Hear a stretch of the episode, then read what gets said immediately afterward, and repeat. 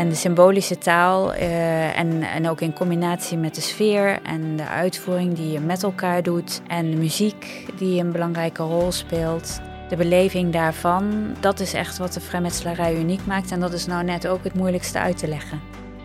En als jij uh, heel dogmatisch denkt, of je denkt alles al te weten, ja, dan wordt het heel moeilijk. Want dan heb je jouw waarheid al gevonden.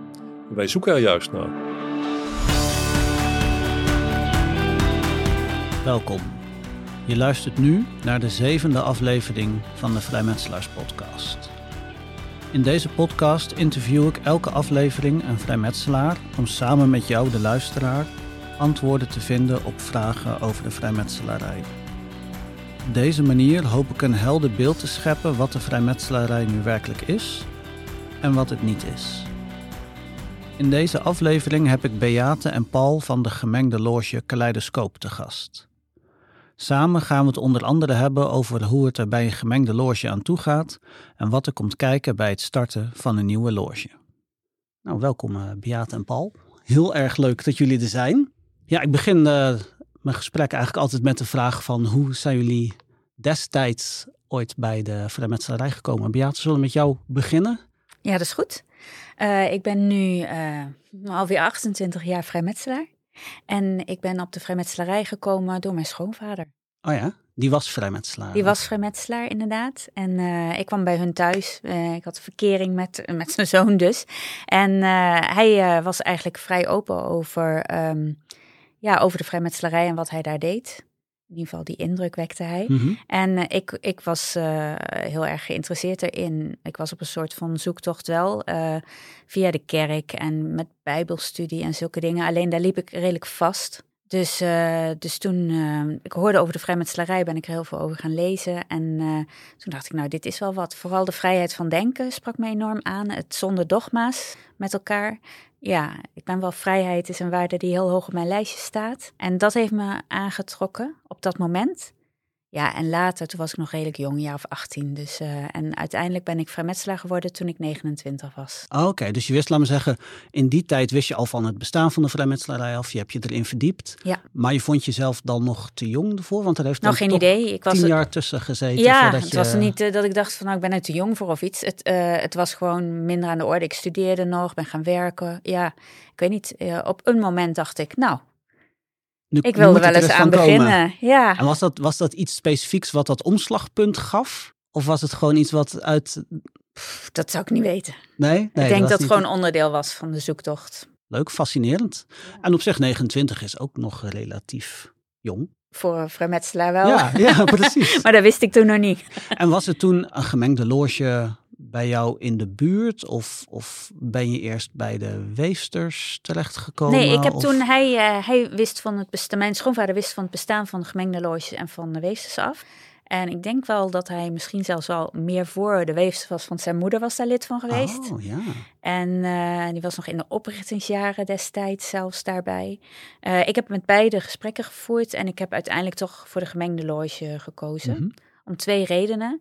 Ja, één, omdat ik uh, ja, toch denk de maatschappij uh, is, uh, nou, niet alleen maar, bestaat niet alleen maar uit vrouwen. Dus dan vind ik het wel prettig om, om eerder in een club te zitten die een afspiegeling is van de maatschappij. En ook omdat het internationale orde is. En dat is de weefsters niet. Dus ook, ja. ja, we hadden toen echt wel plannen van we willen ooit naar het buitenland. En toen dacht ik, ja, dan wil ik wel bij een internationale club als dat dan, ja, als die dan al bestaat, als dat al de opties zijn. Even voor mij een beeld, want van de gemengde loges weet ik eigenlijk niks. Daarom vind ik het superleuk dat jullie zijn. Van de weefsters weet ik eigenlijk ook misschien ook wel niks. nog minder. nog minder dan niks. Want de gemengde loge is gekoppeld of is een andere noemer van le droit humain. Dat is le droit Het humain. is le droit humain. Ja, ik ben lid van le droit humain. En dat is de... De internationale orde der gemengde vrijmetselarij, le droit humain. Ja, precies. En de weefsters is dus een landelijk iets? Of, ja, ik, of zijn die niet georganiseerd? Ja, zijn wel georganiseerd en dit is landelijk. Oké. Okay. Maar kun je beter de weefsters vragen. Ja, precies. Ja, nee, dat snap ik. Dat snap ik. Maar goed, hè, jij weet er al iets meer van, omdat meer, je al ja, gesprekken hebt gehad met ze. Maar... Ja, dat klopt. Maar 28 jaar geleden. Ja, dus ja, intussen ja, is daar natuurlijk ook veel gebeurd. Maar zij hebben, uh, zeg maar, vrijmetselarij heeft een licht- en bouwsymboliek. En, uh, en de weefsters hebben meer de spinnen, weven, ontwerpen symboliek. Maar feitelijk verder is het redelijk, qua symboliek parallel. Maar ze hebben destijds bij de oprichting bedacht dat die symboliek meer bij het vrouwelijke zou passen. In Ja, die tijd. Dat ja, is ook ja. eh, na de Tweede Wereldoorlog Ja. zo geweest. Nou, al fascinerend. Ja. En eh, Paul, hoe- is het bij jou eh, ontstaan? Eh, dat is alweer heel lang geleden. Ik ben eh, 58 en 20 jaar geleden kreeg ik belangstelling voor de vrijmetselarij. En eh, een collega van mij die bleek vrijmetselaar te zijn. Oké. En ik had er in het verleden eigenlijk ja, interesse voor gehad. Vol, vanuit, zou- ik bijna zeggen, de jongensboeken.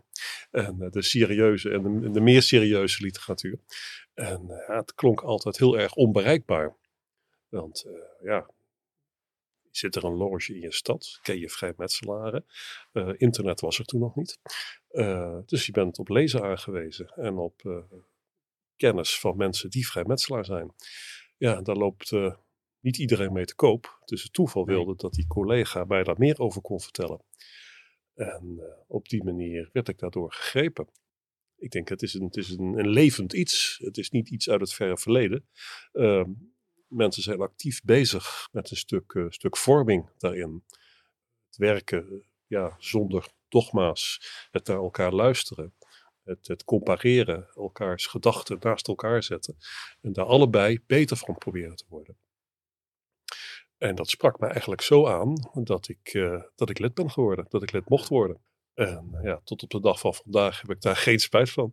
Ja, dat is ook een beetje waarom we hier zitten en waarom deze podcast bestaat. Is omdat mensen er niet mee te koop lopen. En dat is natuurlijk op zich eh, helemaal prima. Maar hoe kwam je er dan bijvoorbeeld achter dat die collega vrijmetselaar was? Dat was eigenlijk de kantinetafel gesprekken. Ja? En daar praat je over van alles. En ik heb, eh, ik had, heb nog steeds een enorme belangstelling in cultuur en in geschiedenis en eh, filosofie. En die collega die wist eigenlijk altijd een heel mooi antwoord op mijn vragen.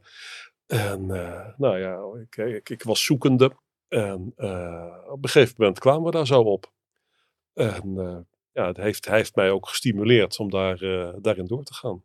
Ja, dat heeft me echt eh, heeft me goed gedaan. Ja, is het dan zo dat zo'n, zo'n, die collega van jou, die heeft allemaal die, hè, die mooie verhalen en eh, eh, mooie antwoorden op vragen.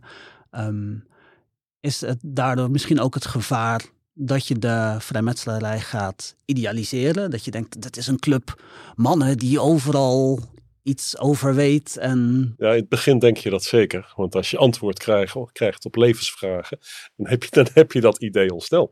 Maar op een gegeven moment kom je er ook achter dat eh, iedere vrijmetselaar, die is anders. De vrijmetselarij, dat is iets wat je zelf beweegt, be- beleeft. En wat iedereen op zijn manier beleeft. En eh, daarin leer je ook je eigen weg bewandelen. Denk dat het een van de belangrijkste factoren van de vrijmetselarij is. Je leert jezelf ontwikkelen. Je wordt niet een kopie van iemand anders. Nee, je wordt gestimuleerd je eigen mening te vormen. En jouw mening te toetsen aan jou, van jouw omgeving. En dat doe je in een, eh, in een eh, ja, beschermende omgeving. En in die omgeving mag je best fouten maken. En eh, men stimuleert je juist om fouten te maken. Want dan ga je over zaken nadenken. En toen jij eh, lid werd, toen werd je lid van een mannenloge. Ik ben eh, lid geworden in, eh, in Eindhoven, van de oudste loge daar.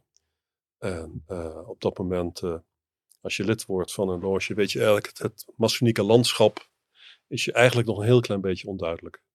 Het is in ieder geval duidelijk dat je geen lid kon worden van de weefsters. Er zijn ook geen wevers. Dus mijn, mijn collega was lid van, van de mannenloge. Ja. En eh, daarom was het voor mij ook eigenlijk een beetje logisch om daarvoor te kiezen. En eh, ja, goed, ik ben daar leerling geworden. Ik ben daar gezel geworden. Ik ben daar meester geworden. Eh, ik heb in mijn loge heel veel functies vervuld. En eh, ja, tot, eh, tot voor kort ben ik daar lid van geweest. En op een gegeven moment dan eh, ga je nadenken over zaken. Dan zeg je van oké, eh, ja, er is, er is meer. Eh, je wilt ook echt een afspiegeling zijn van de maatschappij.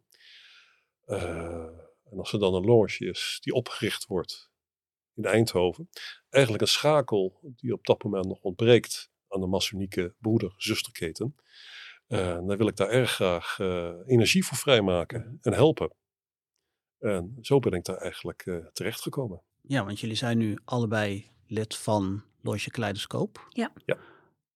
Um, zijn jullie ook nog lid van jullie oude loge of buitenlid? Of ook nog? Nee, ja, we zijn lid nog van onze eigen loges. Ja, Maar- ja wat is maar je Kaleidoscoop is ook je Ja, eigen Ja, loge. precies. Ja, maar we hebben ook gezegd eh, met degene, alle, alle, we hebben acht oprichters. Die allemaal van verschillende loges komen.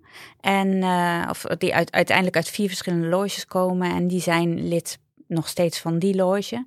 En ze richten de nieuwe loge op. Ja.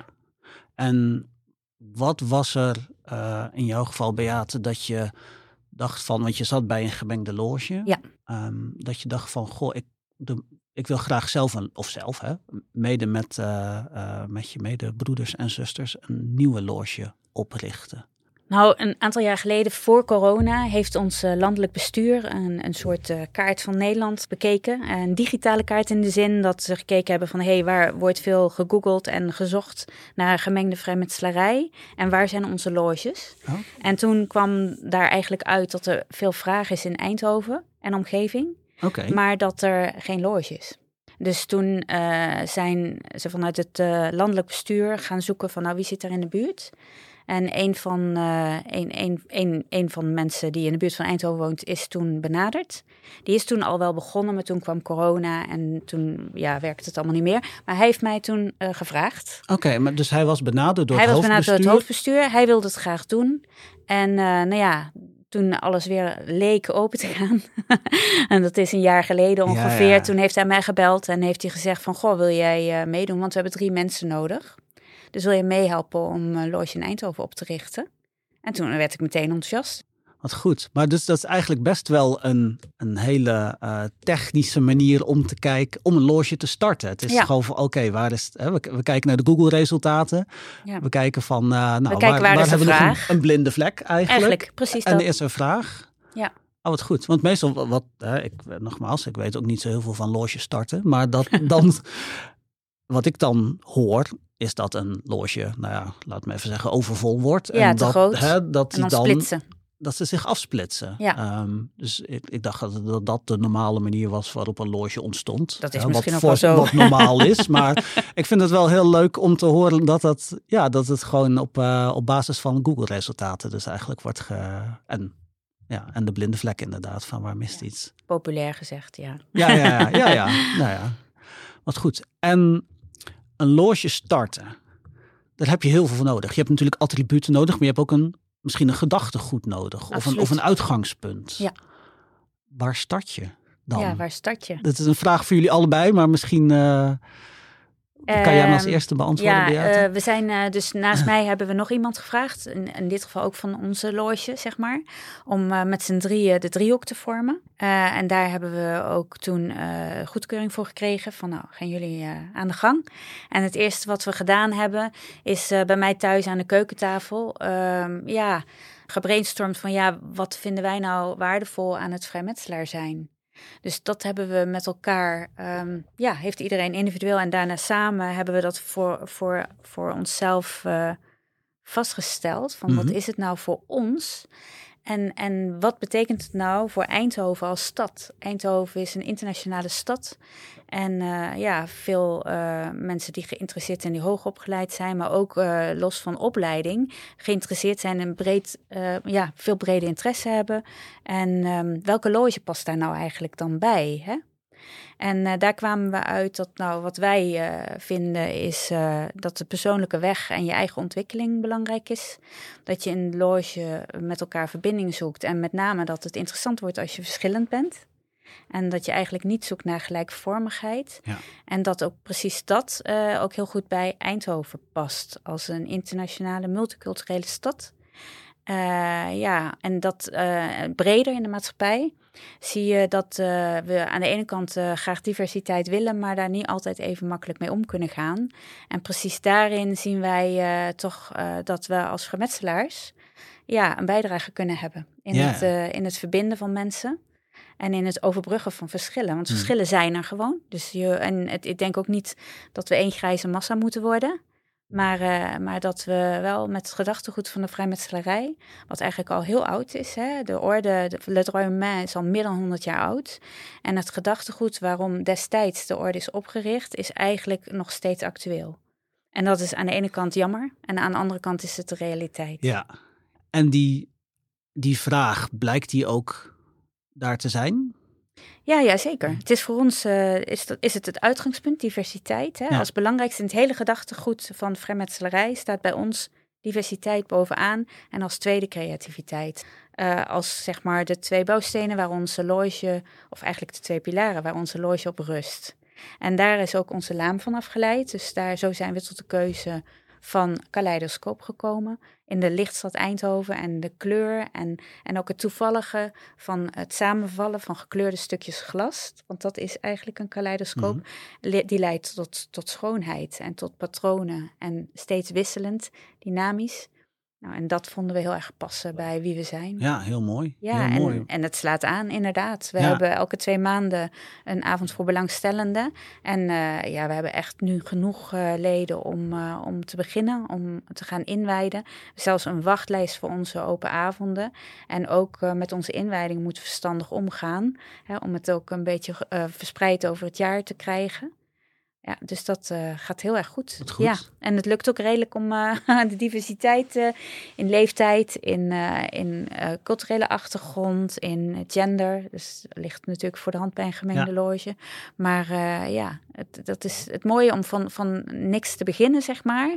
Is dat je open kan zijn en dus ook een ja, smeltkroes ja. van logeleden wordt. En dat trekt elkaar dan dus ook aan. Ja, precies. Want dat was, ik zal die vraag aan, aan Paul stellen. Um, want je hebt dan je, je, je waarde heb je genoteerd. Hè? Je wil graag diversiteit. Maar je hebt het niet voor het zeggen voor de volgende procent wie zich aanmeldt.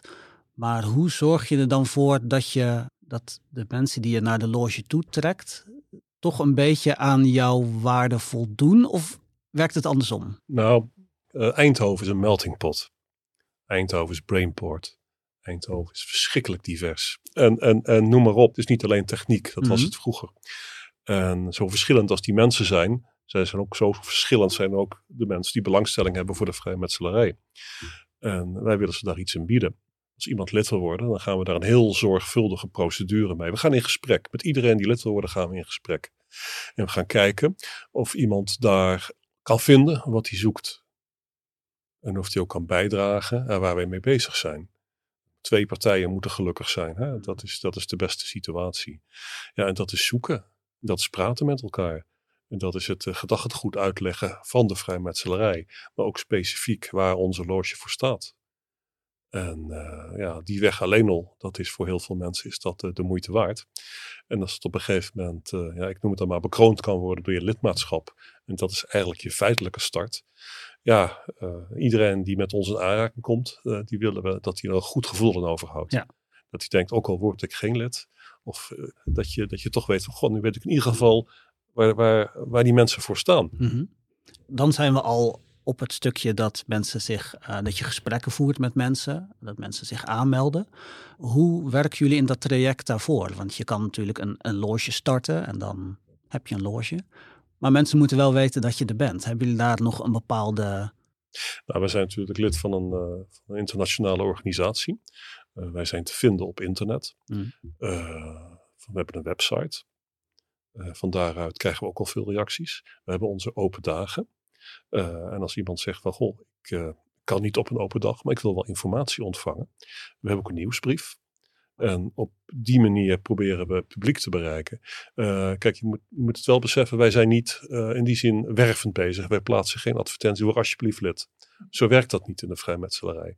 Dat willen we ook absoluut niet. Maar we willen wel voorlichting geven ja. van wat we zijn, maar ook wat we niet zijn. Dus als mensen er belangstelling voor hebben, dat ze een eerlijk verhaal krijgen.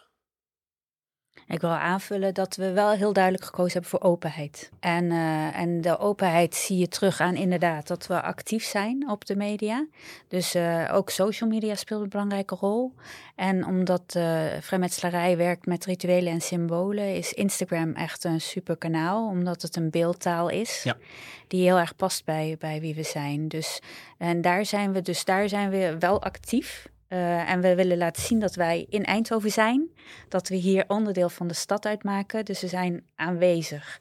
En daarnaast, als ik kijk naar onze voorlichtingsdagen, uh, dan kiezen we ook voor openheid. Uh, dus dat betekent dat we uh, de afgelopen bijeenkomsten een stuk in de werkplaats of in de tempel hebben gedaan. Daar hebben we een profane rituaal, zou je kunnen zeggen, een gelegenheidsrituaal okay. opgevoerd. Okay. omdat we het heel erg belangrijk vinden dat mensen ook de sfeer kunnen proeven. Uh, van, van wat is nou dan een symbolische weg? Want dat kan Ja. je van alles bij Ja. denken. En wat is nou een ritueel dan? En als mensen het uh, een beetje geproefd hebben, zeg maar, een soort ervaren. We gaan geen inwijding voordoen, maar we hebben wel een, een ritueel waardoor mensen die rituele taal een beetje kunnen voelen van nou is dit nou iets voor mij of is dit eigenlijk iets wat ik eigenlijk helemaal niet wil? Nou, en een stukje comparitie, dus een stukje vergelijken en laten zien uh, verschillende achtergronden, hoe die op elkaar werken. Maar ook daar, uh, ja, die openheid uh, is, is nummer één. En dat in een stad als deze, als Eindhoven, is het gewoon belangrijk om dat te doen. Ja, nou, ik, ik, ik denk sowieso dat het belangrijk is om te doen. En dan, nou ja, zoals jullie Eindhoven schetsen, lijkt me zeker in Eindhoven. Maar jullie maken dus eigenlijk een soort. Um, jullie pakken een, een, een soort, maken een soort mini-rituaaltje, Ja, denk klopt. ik dan zo. En Ja. een soort mini uh, We willen- we willen bouwstukje. En Ja. En dus je laat eigenlijk in, nou, ik, In twee uur tijd ik maak je het allemaal mee. Ja, precies. Ja, Want dat is natuurlijk die, uh, die openheid en dat, hè, dat, want jullie geven er best wel, vind ik, een soort modern gevoel aan. Uh, maar je hebt natuurlijk ook het, hè, het hele klassieke van de vrijmetselarij. Dat zit ook een beetje in die, in die ritualen. Dat mensen niet, of nou, niet op een verkeerd been worden gezet, maar meer dat, ze, um, dat het wel aan de, in alle facetten aan de verwachting voldoet. Of dat ze ja. in alle en nog facetten... steeds verrassend is, toch? Ja, precies. Ook. Ja, Precies. ja. We willen, we willen transparant zijn, Ja, dat. uh, maar we willen, we willen geen cadeautjes weggeven Nee. die je pas als je lid wordt mag uitpakken. Ja, precies. Ja, dat is voor, uh, voor alle partijen lijkt me dat het meest, uh, het meest handig. Want, Ja, maar het is wel uh, mooi hoe je het zegt, transparant. Dat vind ik echt een goed woord. Voor Ja. hoe we, wie wij willen zijn. Past ook bij een, een kaleidoscoop natuurlijk. Ja. Glas en transparantie. En merk je dan op, uh, Beate, op die, uh, als mensen zich aanmelden, um, dat ze zeggen: Oké, okay, ik ben op een open dag geweest, of ik heb jullie gezien op uh, Instagram, of ik hè, van al jullie kanalen. Um, dat ze op die manier aan jullie komen? Of is het meer Ja. mond op het mond reclame? Van, Het oh, we hebben eigenlijk twee eh, eh, verschillende sporen. Dus via de media, social media, via Instagram bereiken mensen ons. Mhm. Eh, en ook natuurlijk mensen die mensen anderen kennen die vrijmetselaar zijn, die in hun vriendenkring een vrijmetselaar hebben, of een vader die vrijmetselaar is geweest, of nou ja, een oom, een, ja, op die manier. Dus mensen die er toch al wel wat van weten, ergens op de achtergrond, die worden getriggerd als ze dan horen van hé, hey, er komt hier een nieuwe loge. En denken Ja. ze, oké, nu ga ik uh, er eens een keertje naartoe. En als het bevalt, dan uh, melden ze zich aan. Dat is eigenlijk wel heel grappig, want aan de andere kant, jullie gaven al aan, er zijn al drie mannenloges, er is een, een vrouwenloge, maar Vier dan mannenloges. vier mannenloges. Vier mannenloges. Vier mannenloges. We hebben de, de loge van de weefsters. En, en wij natuurlijk. Ja, En wij En nu. Kijk, eh, Eindhoven is dan op die manier, op die manier ook, ook een Masonic Poort. Hè? Niet Ja. alleen Brainpoort, maar Masonic Poort, dat is er echt aan te komen. Ja, ja. Ja, maar je zou kunnen zeggen, kijk, die mensen die uh, inderdaad een oom, een tante of vader of moeder hebben die vrijmetselaar is, die, um, er is iets blijkbaar in jullie verhaal wat ze triggert om nu wel contact op te nemen. Ja. Want die mannenloges, die zitten daar waarschijnlijk al jaren. Ja, maar dat komt omdat we ook wat mikken op wat jongere mensen. Hè? Ah, ja. Dus uh, zeg maar van uh, tussen eerder, uh, ja, vanaf 30 ongeveer. Iets jonger kan natuurlijk ook altijd, Mhm. maar uh, rond die koers. En, en als je dan met, uh, met mensen praat, die, die hebben uh, met name de jongeren, die maakt niet uit man of vrouw, voor hun is het niet aan de orde om naar een, of een mannen- of een vrouwenclub te gaan. Voor. Zij willen echt naar gemengde loge toe. Ik denk dat we nu in een maatschappij leven waarin uh, er gelijkheid is. En of je man of vrouw bent, uh, of wat voor, waar je ook voor kiest, of Mhm. wat je ook meegekregen hebt uh, door je geboorte. We kwamen erachter dat er steeds meer verschillen zijn. En in die verschillen zijn we allemaal gelijk. En wij, wij kijken daar niet naar. Maar is dat voor jou, want je hebt natuurlijk je, het begin van je massonieke carrière, heb je voornamelijk bij mannenloges gezeten, denk ik. Ja. Ja, ja. Is dit de eerste gemengde loge waar je nou, ik nu ben, bij zit? ik of ben, hoe moet ik dat uh, zien? Wij, wezen, wij, ja, wezen visiteren heet dat bij ons, maar visiteren. Op bezoek gaan. Op bezoek gaan, Ja, dat is ja, vakjargon. ja, ja. Sorry daarvoor. Uh, die moet je er maar uitknippen. uh, dan ga je op bezoek bij, uh, bij bevriende loges. Eh, dat kan. En uh, dat zit, daar zitten ook gemengde loges bij. En uh, je probeert elkaar allemaal te helpen als vrijmetselaar. Want je staat allemaal voor datzelfde doel. En ook onze banden met, met de loges in het Eindhoven, die zijn zonder meer goed. We hebben respect voor elkaar. En we zorgen samen dat de vrijmetselarij ook met open dagen op een goede manier uitgedragen wordt. Ja. Daar helpen we elkaar bij. Dat is heel belangrijk. En als iemand kiest voor een loge met alleen mannen, alleen vrouwen, nou, dat is zijn keuze. Daar, uh, dat mag van ons, daar hebben we helemaal geen probleem mee. Maar uh, wat wij wel zeggen, er is keuze. Mhm. En daar gaat het om. Dat is belangrijk. Ja. En het is maar net waar je je prettig bij voelt. Ja, dus dat was voor jou persoonlijk ook um, de keuze om hè, na het visiteren, um, om lid te worden van deze loge. Precies. Ja. Omdat je dacht van, daar, daar groei je op een gegeven moment uh, groei erin. En uh, wat ik het, het, het, ontzettend leuke vind aan Kaleidoscoop, uh, het is een, een, nieuwe loge. Hij moet zelfs nog opgericht worden. Ja. En er valt verschrikkelijk veel werk te doen. En dat doen we met een hele, hele leuke groep mensen.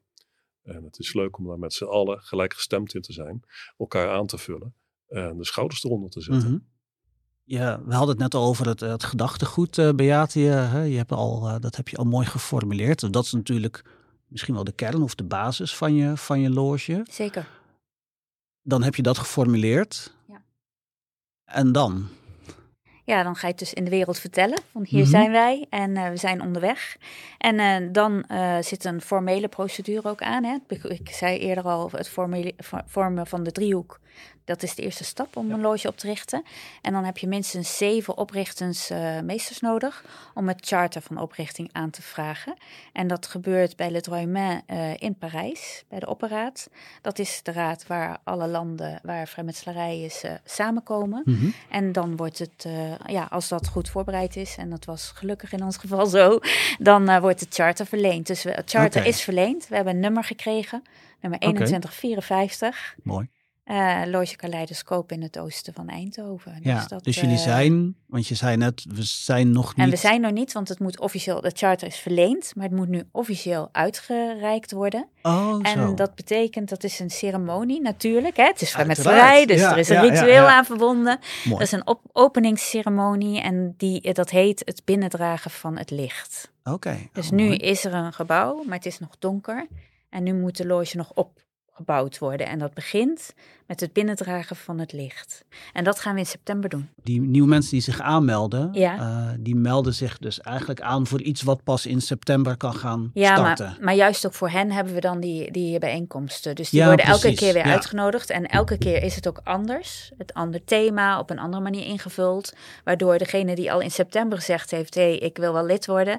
Daarvoor is het nog steeds leuk om al die bijeenkomsten Ja, zeg maar, precies. af te Dus- gaan. En dan krijg je op een gegeven moment de inwijdingen. Ja, precies. Dus dan heb je een, nou misschien wel een periode van eh, een aantal maanden, die dan barstensvol met inwijdingen zit, of niet? Ja. Dat wordt hard werken. Ja. Nou, dan kan je het ritueel wel eh, uit je hoofd op een gegeven Maar dat moment. gaan we goed organiseren.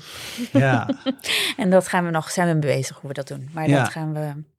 want heb je, heb, want hebben jullie dan, ik probeer het me zo voor te stellen van wat je, wat je, je hebt natuurlijk een gebouw nodig. Nou, en Eindhoven heeft al een gebouw, dus dat scheelt. Dus waar dan, we welkom zijn. waar je welkom, Wat ja, ook wel belangrijk is. ja, is dat zo? Zou je ook niet welkom kunnen zijn in een, Geen zijn, idee. zijn er, Maar we zijn, er- we zijn gewoon welkom. Ja, en dat precies. is fijn. Ja. Ja. En dan heb je natuurlijk je hebt al je attributen nodig. Zijn Ja. die hetzelfde in een gemengde loge als bij een mannenloge? Nou, voor 80% wel, maar dat is bijvoorbeeld wel even een weg om, om dat allemaal bij elkaar eh, te vinden. En we hebben natuurlijk, eh, we zijn eh, zuinig ook, maar we willen wel weer goed voor de dag komen, Ja, mooie, ja, ja, ja. mooie materialen hebben. En dat is, eh, ja, onze toekomstige ceremoniemeester is daarmee bezig en dat is al een behoorlijke klus. Ja, Dat kan ik me voorstellen. ja, daar is een aardige taak aan. ja, Ja. precies. Maar Want het is het niet goed. zo dat jullie... Ik kan me zo voorstellen, je zit allemaal in hetzelfde gebouw. mhm. Gok ik even trouwens, dat, dat is een aanname. Zitten Ja, jullie ja. allemaal in hetzelfde gebouw Ja, ja. of niet? Met alle vier de? Ja. Ja, En het, jullie... het Ja. logegebouw in de En de Potgieterstraat in. Eindhoven. Ja. Maar het is niet dat je dan zegt van, oh, die attributen die wij nodig hebben, die hebben, hebben jullie Ja, al. deel dus wel. die- want ik wil zeggen, je kan deel alle kun vier je, wel kun je dezelfde... dingen delen. Ja, zeker. Of je eigen dingen hebben, maar ja, je- Ja, maar bepaalde dingen zijn echt van de loges zelf en Ja, sommige ja, ja. delen ze. Voor, voor wie eh, is de vrijmetselarij niet? Het is niet voor iedereen hoor Nee, ik het hier. is niet Eh, voor iedereen. vrij, eh, Voor wie vrijmetselaars zijn, zijn, zijn onafhankelijke vrijdenkers. Ja, En als jij eh, heel dogmatisch denkt, of je denkt alles al te weten, ja, dan wordt het heel moeilijk. Want dan heb je jouw waarheid al gevonden. Wij zoeken er juist naar. Ja. En eh, dan, eh, ja, dan, dan, dan ben je niet geschikt voor de vrijmetselarij. Dan loop je heel snel vast. dan word je niet gelukkig in de vrijmetselarij. Ja, ook dat. Nee, precies, dan past het niet eigenlijk. Nee. En er zijn veel mensen in onze maatschappij die naar houvast zoeken. Hè? En die antwoorden willen. Ja. En dat is de vrijmetselaar die zoekt alleen en die heeft meer vragen dan antwoorden. En er komen alleen maar vragen bij. Ja. En, en veel mensen worden er echt onzeker van. Die zeggen, zeg nou maar gewoon wat ik moet doen. En dan doe ik dat. En dat is helemaal prima. Ik heb Ja. daar heel veel begrip voor. En je ziet eh, ook, eh, ja, of sommige mensen op die manier religieus zijn. eh, van, zeg nou maar wat ik moet doen. Ja. En hoe moet ik dit doen, hè? Ja. Oh, goeroe, hoe moet ik dit doen? Ja. En hoe, goeroe, wat vind je nou van dat? En eh, gelukkig, ik krijg antwoorden, dan weet ik wat ik moet doen. En nou, dat is de vrijmetselarij is niet van de levensrecepten. Nee, ja, dat is natuurlijk het punt. Er zijn ehm, bij een religie zijn er handvatten en bij de vrijmetselarij zijn die er ja niet of minder. Maar Veel minder. en ik komt het meer ook- op jezelf aan. Ja, precies. Maar religies, eh, de, kan niet in de breedte van de religies kun je ook alles vinden. Maar er zijn eh, mensen op een bepaalde manier religieus om antwoorden te vinden en daar houvast aan te Mhm. hebben. Of in de religie of in het instituut. Ja, ja. Maar ook in een religie kun je heel vrij denken. Maar vrijmetselarij zit eerder aan de kant van het vragen stellen. eh, en minder aan de kant van de antwoorden. En al helemaal Mhm. geen universele antwoorden. Nee. Maar En merk je nou bij de jongere generatie die jullie trekken, ehm, dat daar andere vragen of andere zoektochten zijn dan bij, nou ja, de wat oudere generatie, om het maar Oh, even heel, heel oneerbiedig te zeggen. Ja, ja, ik vraag me af of, of die hetzelfde zoeken. Dat die ook hogere eisen stellen. Ook Aan? aan, dat die hogere eisen stellen, jeugd, eh, Mhm. jongere mensen, dan vroeger. Eh, Maar ze weten, ze eisen weten- stellen aan, aan wat? Aan eh, zichzelf? aan, of aan een organisatie, aan een Aan de vereniging. organisatie, ja, ja, waar ze lid van wilden worden. Want tijdsdruk is eh, een stuk hoger als, eh, als vroeger. En dan moet je keuzes maken. En voor je dan eh, lid wil worden van een, een vereniging of van de vrijmetselarij, ja, dan ga je daar diep over nadenken. Want je kan die tijd ook op een andere manier invullen. En dan krijg je echt pittige vragen gesteld. En daar moeten wij op een open dag ook over nadenken. Ja. Wij hebben lang niet altijd daar een antwoord op. Kan je een voorbeeld geven van wat voor vragen daar gesteld worden Eh, nou ja, goed, hoe de vrijmetselarij, eh wat men daarvan kan meenemen, hoe wij over zaken denken. Maar ik kan alleen voor mezelf spreken. En dat geldt ook voor Beate. Eh, wij hebben geen antwoorden. Wij leren je eerder vragen stellen dan, dan dat, je, dat we daar antwoorden op geven. We leren eigenlijk, ja, ken u zelf is ons, ons, ons credo.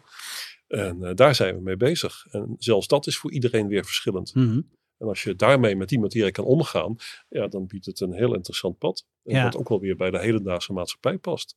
Ja, ik, want eh, ik denk wat, wat heel erg resoneert is, is precies die diversiteit. Maar dat komt natuurlijk ook omdat we dat roepen. En dan Ja, krijgen we ook mensen die dat belangrijk vinden. Maar eh, wat, wat eh, we terugkrijgen, met name van jongere mensen, is eh, dat als we bijvoorbeeld het gesprek hebben in zo'n eh, middag voor belangstellenden, eh, dat ze zeggen van nou, dan wordt er een vraag aan mij gesteld. Hè. We hadden bijvoorbeeld maak het verschil. En, eh, en wat is nou iemand die voor jou het verschil maakt? En dan zeggen ze, nou ja, voor mij is dat zo en zo'n iemand. En dan verwachten ze eigenlijk, en zeggen ze, als ik met vrienden praat, dan geven die allemaal ongeveer ook zo'n antwoord als ik geef. En ik kreeg in dat groepje van vier, vier compleet verschillende antwoorden. Oh, kijk. Omdat mensen een hele andere achtergrond hebben. En precies dat vinden ze interessant. Ja, dus dat wel. Dus het is. Kijk, want mensen zijn nu. mm, Of hè, de, de jongere generaties zijn best wel individualistisch. Ehm, Oh, is dat zo? ja, nou ja, nou dat. dat weet ik niet. Nee?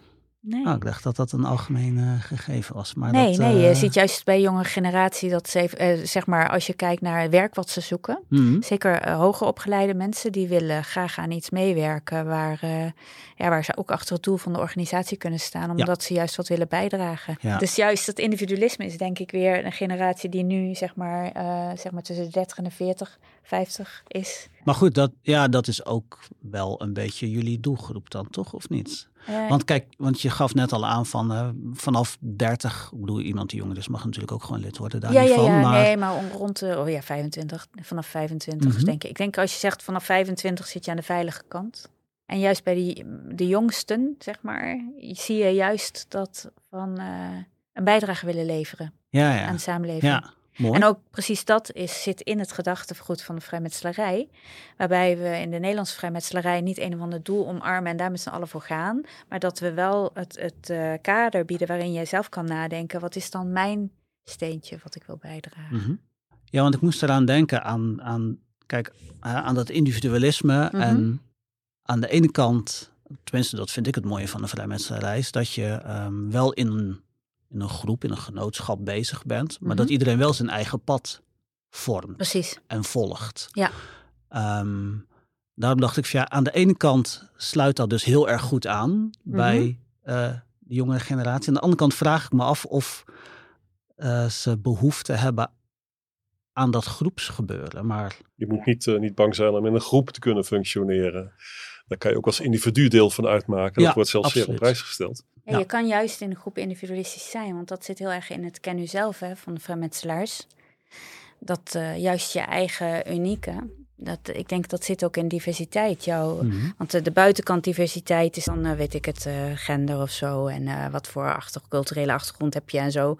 En vooral de zichtbare dingen. Maar de werkelijke diversiteit zit hem in dat, dat wij hier alle drie in onze kern ook verschillend zijn op de niet zichtbare eigenschappen. En dat dat nou juist zo mooi is, dat je daar zoveel van kan, van kan leren van elkaar. En dan kun je individualistisch zijn, maar die vrijheid heb je dan dus. Maar dat betekent niet dat je een ander niet nodig hebt. Zijn er nog onderwerpen waarvan jullie zeggen, dit wil ik graag nog behandelen? Of ik mis dit in het gesprek? Of, eh, Ehm, ja, ik, eh, ja, misschien wel eh, dat ehm, de, twee, de twee pijlers, zeg maar, eh, qua activiteiten. Aan de ene kant eh, is dat de comparitie. Hè? Aan de andere kant zijn dat de rituelen en symbolen. En, ehm, en voor mezelf kan ik zeggen dat toen ik lid werd, eh, toen was voor mij het allerbelangrijkste die vrijheid van denken. Dat was voor mij zo'n ding. En dat je alles moest kunnen zeggen en, en dat je met elkaar bespreken en die uitwisseling enzovoort. Als ik op dit moment kijk, na 28 jaar vrijmetselaar te zijn, dan zijn de rituelen en symbolen voor mij echt het allerbelangrijkste. Ja, woorden zijn maar woorden. En de symbolische taal eh, en, en ook in combinatie met de sfeer en de uitvoering die je met elkaar doet en de muziek die een belangrijke rol speelt, de beleving daarvan, eh, dat is echt wat de vrijmetselarij uniek maakt. En dat is nou net ook het moeilijkste uit te leggen. Dat kun je eigenlijk Ja. alleen ervaren. Ja, nou goed, jullie, jullie proberen of doen het eigenlijk al wel met jullie eh open Ja. avonden, waar je dus ook een stukje Ja, rit- ja, kleinschalig. Ja, eh, precies. ja, ja, Ja, ja. ja, Ja. ja, dat je wel die beleving mee kan geven. Ja, ja en dat, eh, dat symbolen zijn eigenlijk toch een, een bepaalde vorm. Ja, het is een vorm die iedereen kan het anders interpreteren. En toch heb je iets gemeenschappelijks. En je kan Mhm. moeilijk uitleggen wat dat is, maar je maakt het samen mee. Je doet er allemaal aan mee ook. Je hebt een rol en, en samen voer je iets uit met een symbolische waarde. Ja, en daarmee eh, krijg je ook een bepaalde energie onderling. En, eh, en, en het is een soort, eh, ja, een bepaalde spiegel, zeg maar, voor je eigen leven. En daarin zit dan een link. Kun je dingen leren op een heel ander niveau. Mhm. Meer op, ik zou je misschien kunnen zeggen, op een creatief niveau. Die heel waardevol zijn, wat je met woorden en met studeren nooit van zijn leven kan bereiken. ja. mooi, mooi gezegd. Paul, en voor jou? Geldt dat voor jou ook? Nou, dat geldt voor iedereen op zijn manier natuurlijk. En, eh, Dus ik vraag naar jouw manier. ja. Ja, we kunnen het wel heel Nou, algemeen wat- trekken, maar ik vraag wat- het gewoon. wat- wat- Paul, wat vind jij het mooiste van de vrijmetselarij? Punt. Ja, dat is voor mij toch eh, beleving. Ja. En de beleving eh, met, met anderen. En eh, dan is het inderdaad de ritualistiek. Eh, met z'n allen aanwezig, aanwezig zijn in die werkplaats. Ook al gebeurt er helemaal niks, zegt iemand helemaal niks. Er is geen muziek, helemaal stil. Eh, ja, dat zijn dan eh, de, de, de momentjes dat je, die je koestert. En dan hoeft er niks gezegd te worden, maar je weet wel waar je allemaal voor staat. En waarom je daar zit. Ja. En dat zijn van die onbenoembare momenten. Dat is het, het eh, Ja, dat klinkt, daar klinkt ook wel iets als verbinding in door. daar zit, eh, daar zit, eh, daar zit verbinding in. Het laat zich uh, heel moeilijk uitleggen. Dat moet je eigenlijk voelen. En gevoelens uitleggen, ja, dat is sowieso, vind ik dat, vind ik dat heel, heel moeilijk. maar daar probeer je in de vrijmetselarij, probeer je daar handen en voeten aan te geven. Ja, dat begrijp ik. En soms lukt dat ook nog. Dan heb je een, heb je een mooie avond. Ja, precies. Als jullie zeggen, we hebben alles gedaan en gezegd wat we wilden zeggen. Voor dit moment. Voor dit moment. dan sluit ik hierbij af. Ik wil jullie graag uh, ontzettend bedanken. Ik heb er weer uh, superveel van geleerd. En ik hoop dat de luisteraars er ook heel veel van geleerd hebben. Bedankt Beate en uh, Paul, bedankt. Dank je. Heel graag gedaan.